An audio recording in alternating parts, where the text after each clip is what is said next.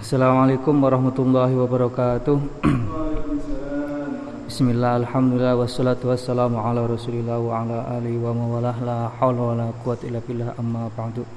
Ilahatu Nabi Mustafa sallallahu alaihi wasallam wa ala alihi wa sahbihi wa auladi wa dhurriyatihi Thumma ila hadrati wa nihi min anbiya wa mursalin wa alihi wa wa salihin wa tabi'in wa lu'am bil amin wa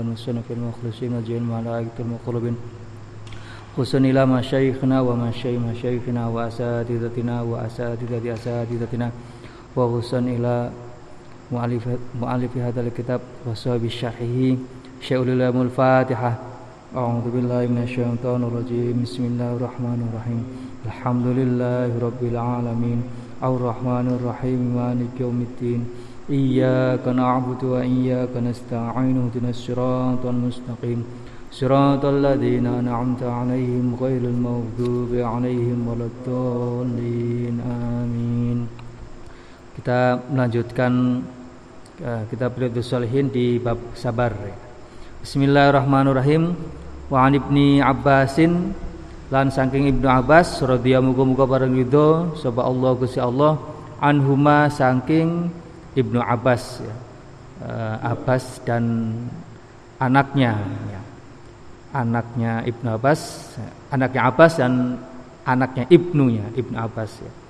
Qala wis ngucap sapa Ibnu Abbas qadima qadima teko qadima teko sapa sapa Uyayna tubnu Hisnin Uyainah bin Hisn Fanazala mongko manggon mudun atau manggon manggon sapa Uyainah bin Hisin ala ibni akhihi ingatasi anak lanange sadulure Uyainah bin Hisn. Anak lanang saudaranya berarti uh, keponakan ya? Ya keponakan berarti mas ya? Anaknya saudara keponakan. Ya jadi ibnu Uyainah datang. Nah ibnu Uyainah ini bukan ibnu Uyainah Uyainah bin Husain bin Hisn. Uyainah ini orang Badui istilahnya kalau kita nyebut itu. Orang orang Arab orang pedalaman. Orang pedalaman dia datang ke ke Madinah nih. Madinah apa di Mekah ini? Tidak tidak disebutkan ya. Yang jelas dia datang dari e, perkampungan dari kampungnya ya, dari dari Badawah gitu ya. Datang ke kampung eh datang ke kota yang berperadaban mungkin Madinah, mungkin oh berarti ini di Madinah ini ya. Pada masa kekuasaannya sahabat Umar, berarti ini di Madinah ini. Nah, Madinah kan saat itu sudah jadi e, berperadaban gitu ya, beda dengan e, perkampungan ya. Jadi pusat pemerintahan ya. Fanazala ya, ala ibni akhihi rupane al-Huribni Qaisin namanya Hur bin Qais ya. keponakan Uyain namanya Hur bin Qais. Wa kana lan Hur bin Qais? Iku minan nafari saking golongan minan nafari saking golongan alladzina kang yudni nyedekake yudni nyedekake him him ing alladzina sapa Umaru sahabat Umar radhiyallahu muga-muga bareng ridho sapa Allah Gusti Allah anhu saking Umar. Wa kana lan ono wa kana ono sapa al-qura'u ahli Quran ya. iku ashaba majlisi Umar ya. Piro-piro konco lungguhe Umar. Radhiya muga-muga bareng ridho sapa Allah Gusti Allah anhu saking Umar. Wa musyawaratihi lan konco musyawarohe Umar. Iku kuhulan wong tua kanu ono sopo ashabu majlisi Umar au syubbanan utawa wong nom. Nah ini uh, terjadi pada masa kekhila, kekhilafahan Umar ya. jadi Rasulullah sudah wafat uh, Abu Bakar juga sudah wafat ya. Ini terjadi pada masa Umar jadi Umar sudah menjadi khalifah ya sudah menjadi presiden ya. dan punya kalau zaman sekarang ini mungkin one team press ya, dewan pertimbangan presiden nah sahabat Umar juga punya orang-orang seperti itu ya, orang-orang yang menjadi penasehatnya ya. Penasehatnya yang yang mungkin mengingatkan kalau Umar lupa ya, membenarkan kalau Umar mungkin bertindak salah ya. Jadi diangkat Umar untuk semacam dewan pertimbangan ya, dewan penasehat. Nah, orang-orang yang menjadi uh, yang duduk di dewan itu ya, mereka orang-orang yang alim, ya. para ulama, ya ulama zaman sahabat ya tentu luar biasa dan ahli Quran semuanya, semuanya ahli Quran, uh, ahli ya paham tafsir, ya, paham hadis ya, dan sebagainya. Nah salah satunya ini si Hur bin Qais ya keponakan si Uyainah ini. Nah uh, Uyainah ya, yang yang masih tinggal di perkampungan itu datang ke Hur bin Qais. Fakola mengko sopo Uyainah libni akhihi maring keponakane Uyainah yaitu Hur bin Qais. Ya ibna akhi he anak lanang sadulur ingsun, he keponakan ingsun. Iku laka ketuwe sira wajhun utawi pangkat utawi posisi. Inda hadal amiri mungguhe ing dalam sandinge iki-iki amir e, pemimpin e, Umar maksudnya fasta'dzin mongko nyuprih izin sira nyuwun izin sapa sira li maring ingsun alaihi Umar fasta'dzana mongko fasta'dzana mongko nyuwun izin sapa Hur bin Qais ponakan Uyainah ini fa'adina mongko ngidini lahu maring uh, Uyainah sapa Umaru Umar. Jadi Uyainah ini datang uh, menemui keponakannya Hur bin Qais tujuannya agar bisa mengantarkan menemui sahabat Umar. Nah, uh, Hur bin Qais ini kan salah satu ini tadi one team resnya Dewan Pertimbangan Presiden khalifah berarti one one team hall, dewan pertimbangan khalifah. Ya, jadi punya posisi lah di di di sahabat Umar ini. Nah, si pamannya ini ya, minta agar uh, Hur Hur bin Qais ini bisa menjadi perantara untuk menemui Umar ya. Ya kalau dia mungkin datang langsung ke Umar, mungkin dianggap siapa nggak nggak punya nggak nggak kenal. Kalau langsung mendatangi Umar ya yang dideketi ini orang yang dekat dengan Umar ya. Ya si kebetulan keponakannya ini. Falamma dakhala maka tatkalane manjing lebu sapa uh, Uyaina kola ngucap sapa Uyaina hi hi hi di sini uh, semacam apa namanya uh, seruan keras ya. Jadi mewanti-wanti Hei, kalau bahasa Indonesia mungkin hei gitu kira. Hei, ya Abnal Khotob, wahai anake Pak Khotob, Umar bin Khotob. Ya. Fawallahi demi Allah, ma tu'tina ora paring, ora paring, ora paring sapa panjenengan sapa sira na ing kita al jazla ing peparing kang akeh wala tahkumulan orang ngakimi Orang mutusi sapa sira Umar fina ing dalam kita bila adli kelawan adil. Nah ini si Uyainah bin Hisn tadi kan orang pedalaman ini. Jadi orang Badui. Nah orang Badui ini kan orang yang tidak punya akses secara luas untuk memahami Islam.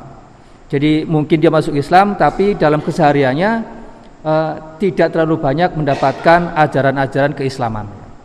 Maka perilaku orang Badui ini berbeda dengan orang-orang yang hidup di peradaban Madinah atau Mekah gitu ya. Uh, akhlaknya beda ya. Tot apa tata uh, apa namanya sopan santunya beda gitu ya. Apa yang mereka anggap biasa saja bisa jadi untuk orang Mekah atau orang Madinah itu nggak sopan ya. Sebagai tindakan yang kurang ajar.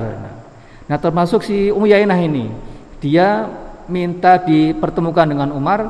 Begitu sudah ketemu Umar langsung bilang Umar kamu tuh orang yang gak adil. Pemimpin coba di, di seperti seperti itu gitu ya dibilang seperti itu. Umar kamu tuh orang yang gak adil. Ngasih bagian kok nggak nggak yang cukup atau gimana malah sedikit gitu ya. Ngasih bagiannya sedikit nggak cukup dan kamu bukan orang yang adil kata si Uyainah ini. Nah bagi Uyainah mungkin tindakan seperti itu bukan bukan hal yang yang tidak sopan, mungkin biasa saja karena e, kulturnya atau kebiasaan orang Badui, orang pedalaman seperti itu, yang ngomongnya keras, kenceng, ya, e, belak-belakan, terus terang dan sebagainya. Ya.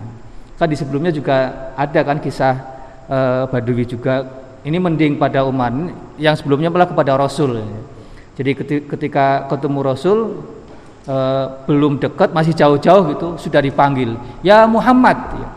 Sudah ngomongnya kenceng yang dipanggil namanya langsung ya ya Muhammad hei Muhammad kira-kira. Mungkin jarak berapa meter seperti itu teriak-teriak ngomongnya langsung menyebut menyebut nama Muhammad bukan ya Rasulullah bukan ya Nabi Allah ya, ya seperti itu eh, perilaku orang-orang yang eh, hidup di pedalaman gitu ya apalagi kepada Umar Umar juga seperti itu diteriak, diteriaki mungkin di hadapan orang banyak gitu ya e, di tragedi seperti itu kan Umar juga pasti akan tersinggung gitu, marah malahan gitu. Ya, jadi kata Uyainah, "Hei Umar, kamu tuh orang yang nggak bisa adil." Posisinya sebagai khalifah pada masa itu ya. Fakutiba mongko marah ya. emosi sapa Umar Umar radhiya muga-muga bareng ridho sapa Allah Gusti Allah anu saking Umar. Hatta hamma sehingga nejo sapa Umar ayu ki'a ing yento ngukumi ya, menjatuhkan hukuman bihi kelawan Uyainah. Nah melihat Uyainah yang sikapnya seperti itu ya teriak-teriak di depan Umar bilang Umar nggak adil, Umar marah seketika itu sampai pengen pengen menghukum si Uyainah ini ya karena sikapnya perilakunya yang uh, tidak beretika seperti itu gitu. Teriak-teriak di depan banyak orang ya, mengatakan Umar tidak bisa adil. Fakola, nah Umar sudah emosi nih mau mau merintahkan agar si Uyainah ini dihukum ya. Fakola mangko ngucap lahu maring uh, Umar sapa al hurru Hur bin Qais ini ini si uh, salah satu dewan pertimbangan dewan penasehatnya Umar ini. Ya Amirul Mukminin, hai Amirul Mukminin, Umar innallaha satamani Gusti Allah taala. Maulur sapa Allah iku qala wis dawuh sapa Allah taala li nabihi marang nabine Gusti Allah sallallahu alaihi wasallam khudil afwa wa'mur bil urfi wa a'rid 'anil jahilin. Khudh ngalapo sira nabi al afwa ing ngapura. Wa'mur lan perintah sira Muhammad bil urfi kelawan kebagusan. Bil urfi ay bil ma'rufi wa arid wa a'rid lan mlengo sira mlengo sira Muhammad anil jahina saking piro-piro wong kang bodoh. Nah begitu Umar emosi ya oleh Hur bin Qais ini di, diingatkan dengan uh, Al-Quran. Nah ini penasihatnya bagus gitu ya. Jadi melihat Umarnya mungkin dianggap emosi yang mungkin tidak sepatutnya dinasehati langsung oleh Hur bin Qais. Memang posisinya seperti itu fungsi dari tadi ashab majlis Umar ya, mengingatkan membenarkan ya kalau Umar mungkin bertindak melenceng dan sebagainya. Termasuk saat Umar lagi emosi seperti ini. Jadi diingatkan khudil afwa wa'mur bil urfi wa'arid anil jahilin. Uh, ayat ini pada masa itu ditujukan untuk Nabi tapi bisa bermakna kemudian umum termasuk untuk kita. Jadilah pemaaf ya uh, perintahkanlah kebagusan, kebaikan dan berpalinglah dari orang-orang yang bodoh ya. Nah, Hur bin Qais ya, mengingatkan Umar dengan ayat ini ya. Khudil afwa wa'mur bil urfi wa'arid anil jahilin ya. Jadilah pemaaf ya. Perintah perintahlah perintahkanlah kebagusan, kebaikan dan berpalinglah dari orang-orang yang bodoh. Nah kata Hur bin Qais wa inna hada satu menit iki iki uyainah pamanku ini ya, kata uh, kata Hur bin Qais minal jahilina iku minal jahilina saking piro-piro setengah saking setengah saking piro-piro wong kang bodoh kata Hur bin Qais Umar ini pamanku ini orang bodoh ya. wa'arid anil jahilin sudah biarin aja ngomong kayak gitu. Mungkin dia nggak tahu dengan apa yang dia katakan wong dia orang bodoh mungkin bisa bodoh dalam arti uh, tidak punya etika gitu ya. Tidak paham tidak ngerti bagaimana berinteraksi dengan orang-orang yang hidup di peradaban ya. Jadi perilakunya tidak tidak bisa menyelesaikan dengan masyarakat yang mungkin punya tata cara perilaku yang berbeda. Jadi semuanya diukur dengan ukurannya sendiri. Mungkin dianggap eh, eh, apa dia bertindak keras, ngomong keras, ngomong belak-belakan, tidak sopan, dianggapnya biasa saja padahal itu menyinggung orang orang orang lain Umar gitu ya. Nah kata uh, Hur bin Qais, Umar biarin saja dia orang bodoh, orang nggak ngerti ya. Jangan dianggap omongannya, kira-kira seperti itu ya.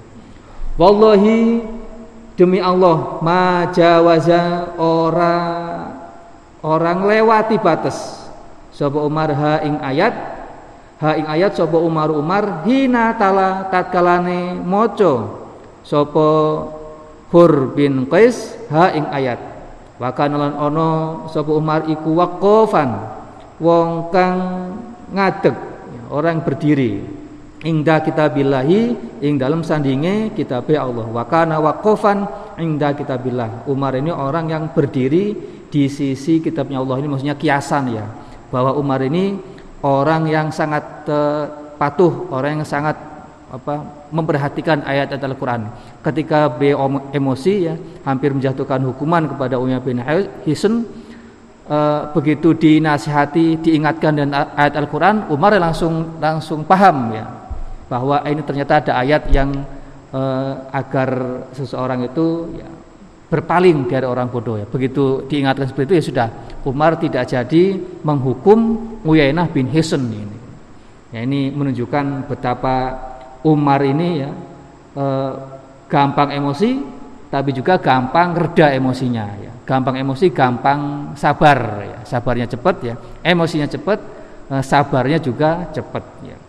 Eh, cukup diingatkan dengan Al-Quran ya, beliau langsung bisa mengendalikan emosinya nah itu ya tentu saja karena Umar berada di lingkungan orang-orang yang tadi itu ahlul Quran ya uh, al fuqaha ya jadi uh, ketika mungkin Umar emosi ya lingkungan sekelilingnya ya juga akan mengingatkan ya, uh, menasihati ya akhirnya Umar terhindar dari emosi tidak jadi menghukum Uyainah bin Hasan.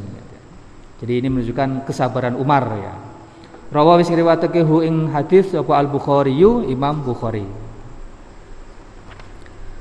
Wa an ibni wa an ibni Mas'ud dan saking Ibnu Mas'ud radhiya muga-muga paring ridho sapa Allah Gusti Allah.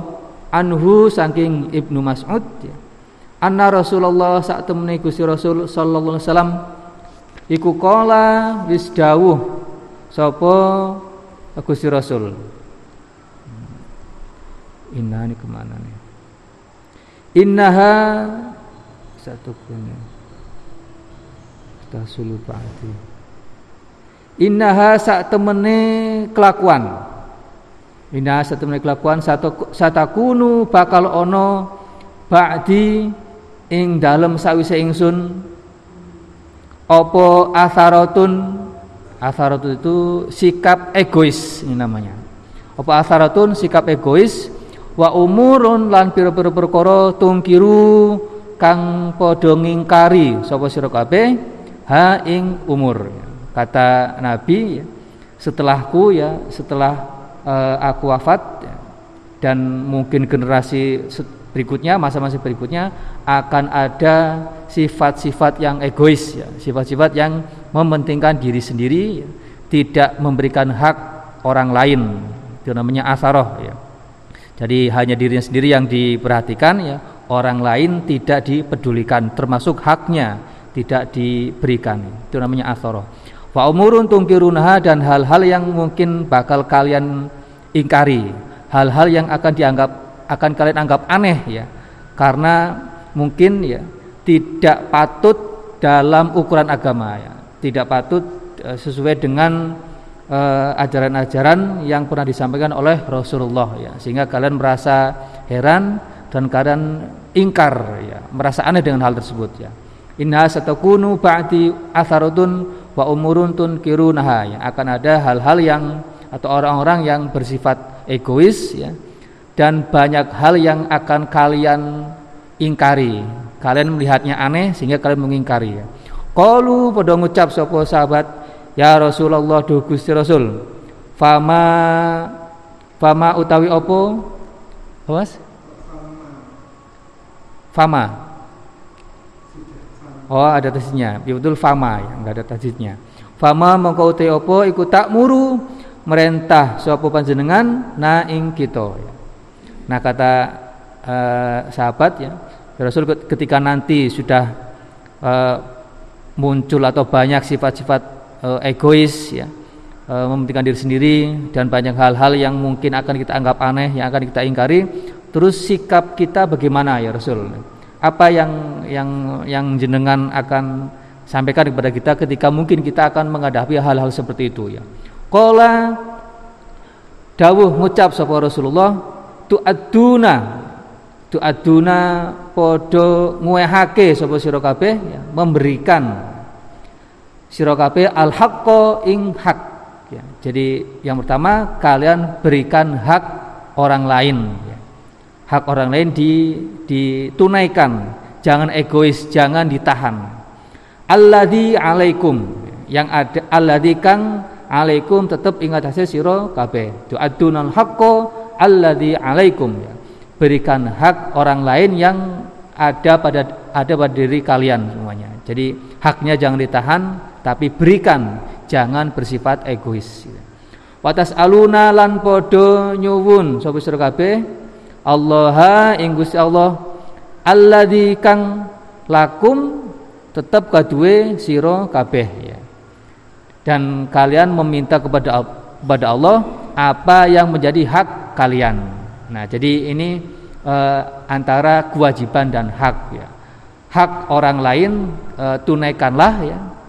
Dan hak kamu sendiri juga boleh diminta ya. Boleh menuntut hak. Jadi kewajiban untuk memberikan hak ya ditunaikan kalau memang ada hak orang lain di situ, hak kalian untuk menuntut sesuatu, meminta sesuatu juga boleh dilakukan, ya. boleh dituntut haknya, boleh diminta haknya gitu. Apa contohnya hak-hak yang mungkin bisa diminta ya? Kalau misalnya kita orang yang nggak berpunya gitu ya, fakir atau miskin, gitu, ya itu boleh eh, apa namanya me, meminta zakat gitu ya. Meminta zakat itu kan hak orang yang fakir miskin dan sebagainya kan maka ketika ada lembaga-lembaga misalkan yang menyalurkan zakat maka dia berhak meminta itu ya. Batas alunallahalladzi lakum ya. Boleh meminta hak yang mesti mestinya kalian dapatkan ya.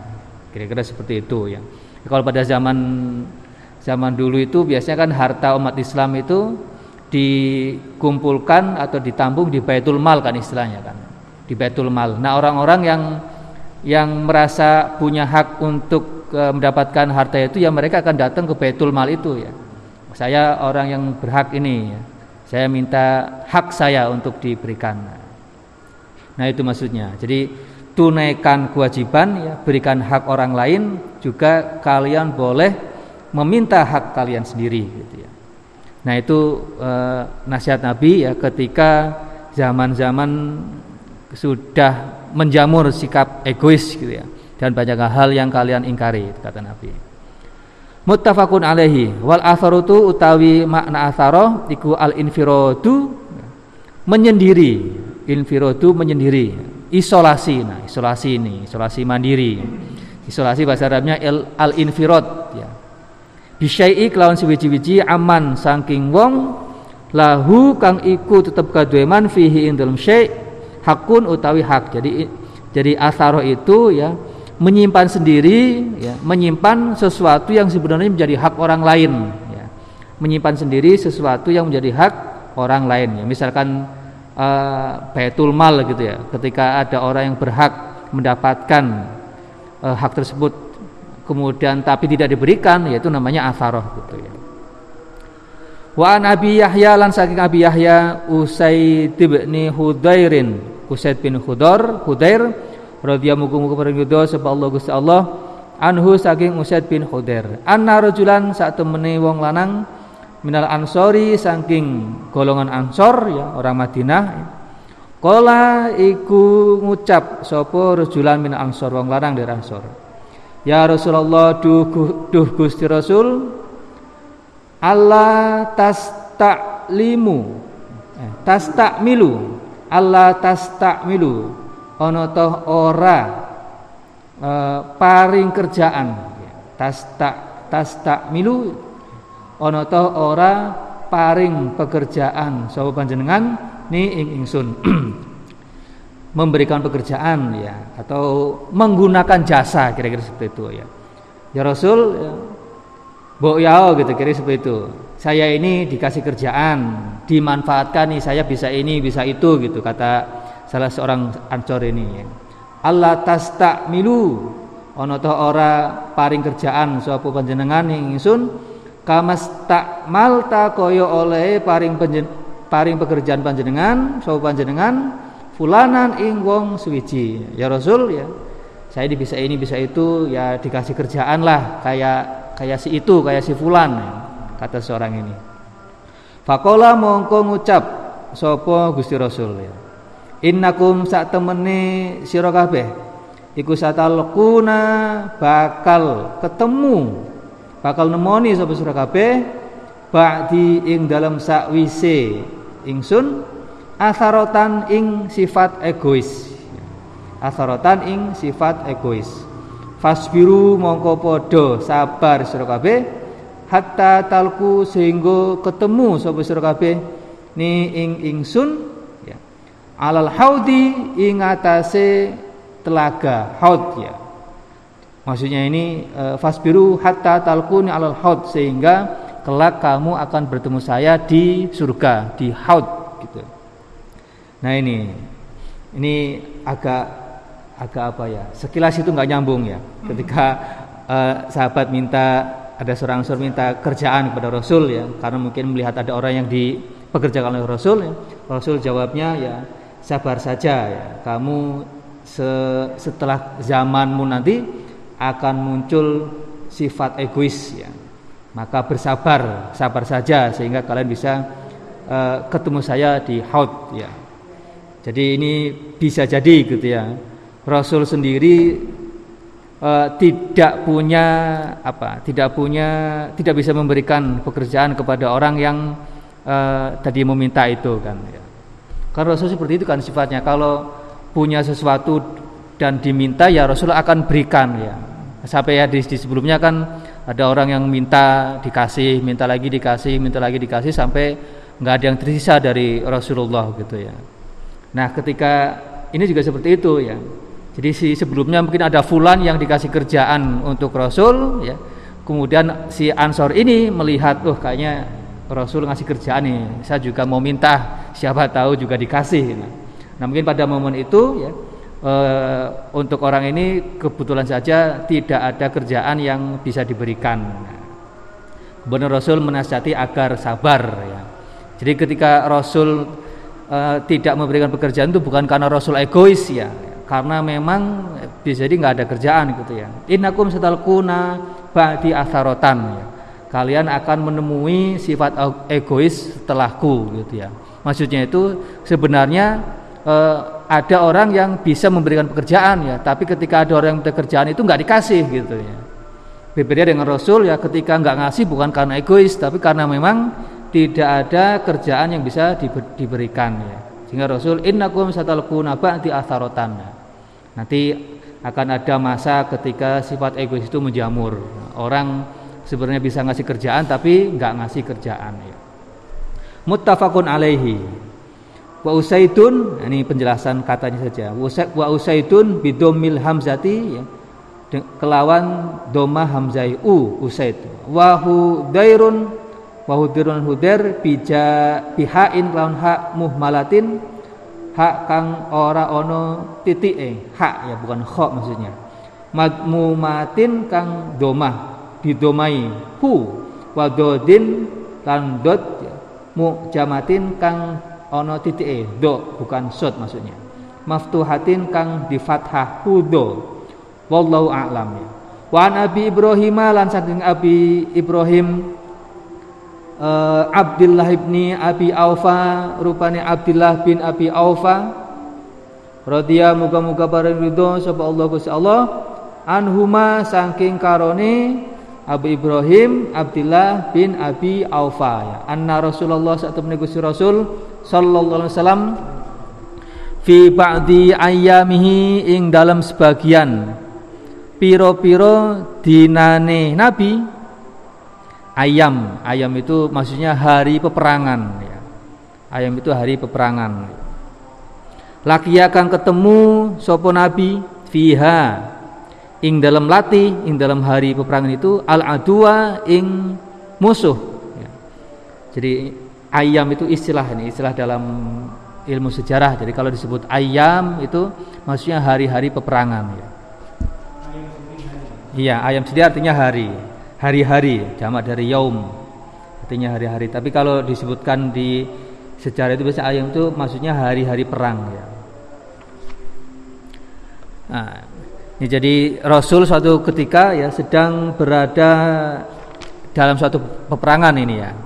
Bi ayamhi allati laqiya fiha al-adu ing tadoro ngenteni nunggu ya nggak atau ngakhirake nunggu atau ngakhirake sapa rasul hatta ida malat sehingga tatkalane miring atau lingsir ya. apa asyamsu matahari koma uh, koma jumeneng jumenengake ngadeg maksudnya itu ya uh, ini ke dalam kondisi perang ya. Jadi ketika matahari masih pas di puncak gitu ya, di atas kepala pas gitu ya. Maksudnya lagi lagi panas-panasnya ya, banget panasnya itu ya, pas lagi di siang bolong ya. Rasul tidak bergerak ya ketika membawa pasukan itu ya eh, nah, menunggu matahari sudah agak geser ya, sehingga panasnya itu tidak terlalu ya koma jumenengake maksudnya bergerak perang dan sebagainya fihim ing dalam adu ya nah itu ini biar menghindari panas yang keterlaluan ya. Jadi ketika pas di tengah siang ya matahari masih di atas itu kan panas luar biasa ya. Rasul mungkin akan ngadem dulu atau menghentikan aktivitas yang terkait perang gitu ya. Begitu mungkin sudah condong ke barat ya, panasnya sudah mendingan baru kemudian melanjutkan itu perang. Fakola mongko ngucap sopo uh, Nabi Gusti Nabi. Nah, ketika dalam posisi seperti itu ya, ketika lagi berhenti ya, me, menunggu cuaca yang enggak terlalu panas ya, Rasul menasehati ini, menasehati para pasukannya ini. Ya Yohanasu he para menungso la tatamannau ojo ngarep-ngarep sopo sira kabeh liko al aduwi ing ketemu mungsuh ya yuhannasu la tatabannau liko al aduwi kata nabi ya e, ketika lagi istirahat itu ya kepada para pasukannya kalian jangan berharap ketemu musuh ya jangan mengharapkan ketemu musuh ya. nah ini lagi perang ya. lagi masa perang itu malah diniati jangan berharap ketemu musuh ini ada dua artinya ini. Yang pertama ya Nabi menasihati jangan berharap ketemu musuh. Bisa bisa jadi artinya ya e, para sahabat ini punya semangat yang terlalu besar, punya semangat yang terlalu besar, merasa merasa yakin dengan kekuatannya ya, sehingga muncul sikap apa bangga diri, muncul sikap bangga diri, wah saya punya semangat kuat dan bisa jadi bakal menang ya. Nah, makanya pengen pengen cepat-cepat ketemu musuh. Nah, maka Nabi ya, bilang uh, mengucapkan seperti itu, memberikan nasihat seperti itu. Jangan berharap ketemu musuh. Maksudnya kalian jangan mengandalkan semangat, jangan mengandalkan perasaan bahwa kalian kuat ya untuk kemudian bertemu musuh ya. Jangan terlalu pede. Ya. Jangan jangan mengandalkan diri sendiri ya, tapi maksudnya e, berharaplah selalu kepada Allah gitu ya. Karena Allah yang punya kuasa, bukan kita sendiri yang punya kuasa. Jadi Rasul pengen menurunkan ego para e, pasukannya ini. Kalau sudah sudah emosi sudah terlalu pede kan e, kemungkinan kemungkinan lengah kan bisa jadi gitu ya. E, berasa pede ya, tapi tiba-tiba nanti bisa lengah, tidak waspada karena terlalu mengandalkan diri sendiri ya, sehingga lupa bagaimana harus menghadapi musuh yang sebenarnya itu seperti apa gitu ya. Nah itu itu yang pertama. Jadi Rasul pengen menurunkan ego para sahabatnya yang mungkin terlalu pede ya, terlalu mengandalkan diri sendiri sampai lupa bahwa ada kekuatan Allah yang sebenarnya. Itu, yang pertama. Yang kedua, Rasul mengingatkan ya, eh, kalian jangan berharap ketemu musuh ya. Sebab kalian nggak tahu nanti yang bakal terjadi seperti apa ya. Apakah nanti eh, bahwa seandainya kalian kalah, kalian bakal khus, khusnul khotimah atau tidak, nggak ada yang tahu ya. Karena kalian terlalu eh, bersemangat dan sebagainya. Nah, bisa jadi kalian kalah, bisa jadi kalian menang. Kalau menang ya syukur, kalau kalah ada kemungkinan kalian belum tentu juga husnul khotimah ya. Bisa jadi suul khotimah bisa jadi walaupun perangnya bersama Rasul seperti itu ya. Nah itu la la, la tatabannau liko al adu. Jangan berharap ketemu musuh, jangan mengharapkan ketemu musuh. Nah, tapi apa yang diminta? Was'alu lan podo nyuwun sapa sira kabeh Allah ing Gusti Allah al afiyata ing slamet lahir batin. Was'alullaha al afiyah ing slamet lahir batin. Nah kalian jangan berharap ketemu musuh karena mas, kemungkinan uh, akan ya akan muncul kemungkinan-kemungkinan ya baik kemungkinan baik maupun kemungkinan buruk ya. Jangan berharap seperti itu. Tapi yang kalian minta adalah al afiyah selamat lahir batin kalau selamat kan sudah otomatis bahwa kita percaya bahwa Allah yang menyelamatkan dan kita selamat, artinya menang melawan musuh kan seperti itu ya. Jadi yang diminta adalah keselamatan ya. Nah, karena minta keselamatan yang mintanya eh, kepada siapa lagi selain kepada Allah. Jadi bukan mengandalkan diri sendiri ya. Egonya diturunkan, kemudian disadarkan bahwa yang patut kita andalkan itu Allah ya. Was'alullaha al-afiyah. Jangan berharap ketemu musuh, tapi yang kalian minta adalah keselamatan lahir batin ya. Kalau selamat lahir batin ya sudah otomatis bisa mengalahkan musuh gitu. Wa idza lan tatkalane ketemu sapa sira kabeh hum ing musuh ing adu fasbiru mongko podo sabar sira kabeh. Nah, kalau sudah ketemu musuh bersabarlah ya. Jadi uh, prinsipnya bagus sekali sebenarnya Wa idza laqitumuhu wa idza laqitumuhum ketika kalian bertemu musuh fasbiru podo sabar sira kabeh. Sabar di sini maksudnya bukan sabar yang kita pahami gitu ya. Kalau ketemu musuh jangan lari, itu maksudnya itu. Sabar itu kan bertahan dalam kondisi kan ya.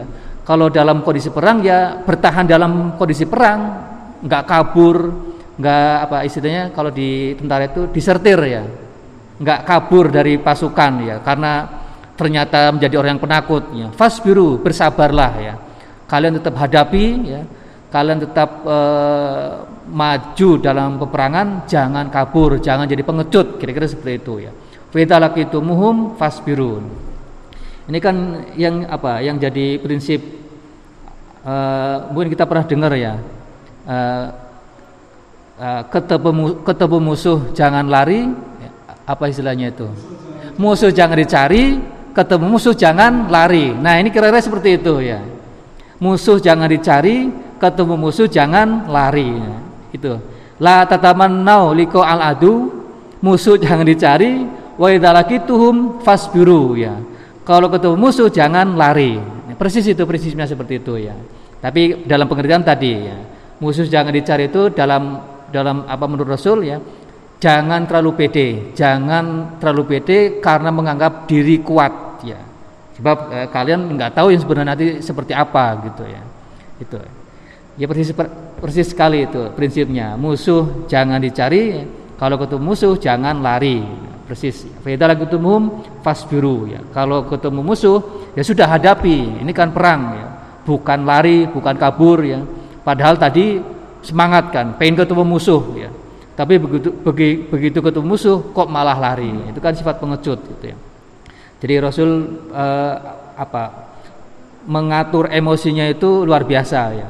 Ketika merasa sahabat lagi merasa semangat ya, semangatnya malah dinetralisir ya. Tidak dibiarkan memuncak ya, tapi di dinetralisir agar tetap terkendali emosinya.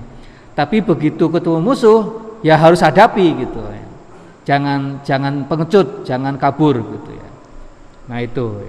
Ya. lagi tumhum fasbiru ya jadi ini nasihat-nasihat Rasul ketika dalam peperangan ya dan kebetulan posisinya waktu itu lagi istirahat ya.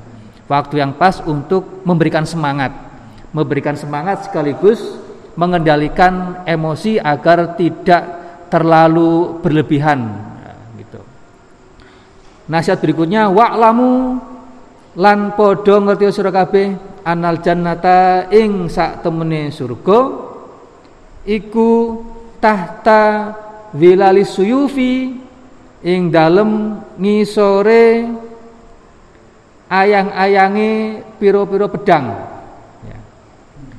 wa'lamu anal jannata tahta wilali suyufi uh, sesungguhnya surga itu berada di bayang-bayang pedang nah ini nih ini kalau gak dijelasin bisa salah paham ini. Wa'lamu anal jannata tahta dilari suyufi. Ketahuilah bahwa surga itu berada di bawah bayang-bayang pedang. Surga itu kalau dalam bahasa sekarang itu pedang itu eh pedang. Uh, surga itu berada di bawah ayunan pedang. Kira-kira seperti itu. Ini kan uh, ayat atau hadis yang sering dijadikan dalil oleh orang-orang yang ekstrim itu kan ya. Orang-orang uh, ya orang ekstremis gitu ya. Bahwa agama ini harus ditegakkan dengan pedang maksudnya dengan perang. Jadi untuk meraih surga itu ya satu satu-satunya jalan hanya dengan perang gitu ya. Dengan peperangan dengan kekerasan dan sebagainya ya. tapi kadang yang dijelaskan cuma potongan ini saja ya. Anal jannata tahta dilali suyuf bahwa surga itu berada di bawah bayang-bayang pedang. Coba dipotong itu saja, tidak disebutkan uh, hadis sebelumnya ya. Konteks uh, hadis ini seperti apa ya. Padahal konteks hadis ini Nabi sampaikan ketika lagi perang. Posisinya lagi perang, pas lagi dalam peperangan ya. Maka uh, posisi lagi perang dan Nabi sedang memberikan nasihat. Nasihat yang terbaik ketika orang sedang perang yang memberikan semangat peperangan itu kan biar tetap maju ya, biar tidak menyerah ya, biar uh, bisa melanjutkan peperangannya ya uh, dengan dengan semangat gitu ya, tidak loyo ya. Maka apa namanya nasihat atau uh, iming-iming kira-kira seperti itu. Yang terbaik adalah ya bahwa perang ini imbalannya surga. Kira-kira seperti itu. Ya. Jadi kalau mau menjelaskan bahwa sur, surga itu berada di bawah bayang-bayang uh, pedang harus dijelaskan bahwa konteksnya uh, hadis ini ketika Nabi sedang dalam perang bersama para sahabatnya ya. Bukan ketika Nabi lagi ngobrol para sahabat, para sahabat bersama keluarganya kok ngomongnya perang enggak ya. Jadi Nabi ngomong eh, seperti ini ketika dalam peperangan gitu ya. Jadi tidak bisa disampaikan pada semua kondisi bahwa surga itu bisa didapatkan hanya dengan perang. Ini kan salah satu Eh, kira-kira uh, ya salah satu iming-iming yang Rasul sampaikan untuk para pasukannya biar semangat perang. Wong sur iya membakar semangat wong surga kan bukan cuma dengan bukan cuma dengan pedang gitu kan ya. Surga dengan pedang ketika dalam posisi dalam kondisi perang. Nah, sekarang sudah nggak ada perang gimana ya? Ya hadis ini bisa disampaikan dalam konteks ilmu ya, dalam konteks dijelaskan secara lengkap ya. Nah, kalau dalam kondisi sekarang yang kita jelaskan ya sesuatu yang berkaitan dengan surga dan cocok dengan kondisi kita saat ini. Kan ada hadis lain juga kan yang yang menyebutkan uh, al jannatu tahta akdamil ummahat. Itu kan? Kan ada seperti juga bahwa surga itu berada di bawah telapak kaki ibu, telapak para ibu gitu ya. Itu sebenarnya hadisnya bukan bukan itu ya. Itu makna hadisnya ya. E, teks hadis sendiri bukan bukan bukan al jannatu tahta aqdamil ummahat ya. Tapi teksnya adalah e, al jadi kisahnya itu ya kisahnya ada orang pengen perang, pengen ikut perang pada Nabi gitu ya. Jadi datang ke Nabi, ya Nabi, saya pengen perang, pengen ikut perang, minta nasihat panjenengan kira-kira bagaimana. Nah orang ini ditanya, kamu masih punya ibu? Kata Nabi, ya. Saya masih punya ibu. Ya. Kata Nabi, falzam falzamha. Temen ini, kamu temen ibu kamu saja ya.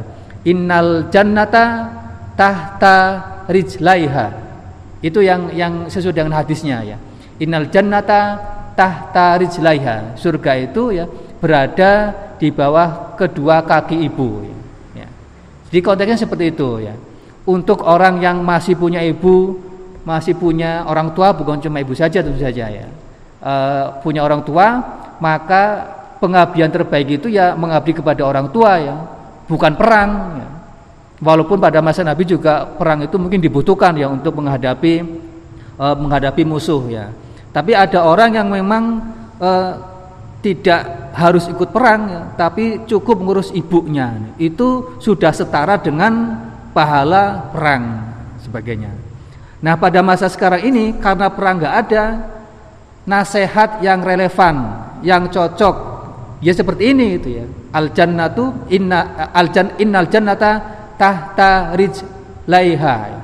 Karena surga itu berada di bawah kaki ibu ya. Itu yang yang mestinya di apa diseramahkan dinasihatkan ya. Karena ya sudah nggak ada perang lagi kecuali mungkin suatu saat terjadi peperangan gitu ya. Perang agama lah kira-kira seperti itu.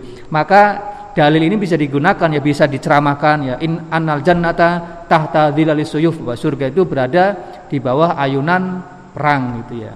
Boleh seperti itu kalau mungkin terjadi peperangan ya. Sekarang sudah nggak ada perang ya.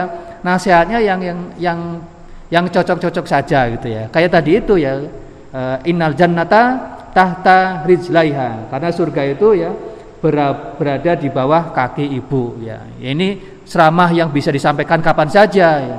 Kondisi ceramah e, mulutan ya ceramah apa pokoknya bisa disampaikan ya. Ya kalau ceramah perang wong kita di sini wong hidup ayam-ayam saja kan ya. E, tentrem ya nggak ada peperangan ya untuk menyampaikan hadis bahwa surga itu di bawah e, ayunan pedang ya kira-kira nggak cocok gitu ya. Bukan iya malah menyulut perang. Hadisnya nggak salah gitu kan. Hadisnya tetap benar tapi mungkin penyampaiannya saja yang butuh diperhatikan kalau ceramah ngisi pengajian kayak gini kan nggak mungkin tentang perang juga kan yang uang kita juga setiap harinya mungkin ke kantor ke sawah ke tegalan dan sebagainya. Yang cocok ya kira-kira ya ya yang apa me, menyemangati kita untuk bisa kerja ya hidup bersama keluarga bermasyarakat ya anjuran-anjuran seperti itu yang lebih pas untuk kita sampaikan dan kita dengarkan. Kira-kira seperti itu. Tumakola nuli ngucap sapa nabiyu kanjeng nabi sallallahu alaihi wasallam Allahumma duh Gusti munzilal kitabi kang nurunake kitab. Wa mujriyas sahabi lan kang mlakuake awan.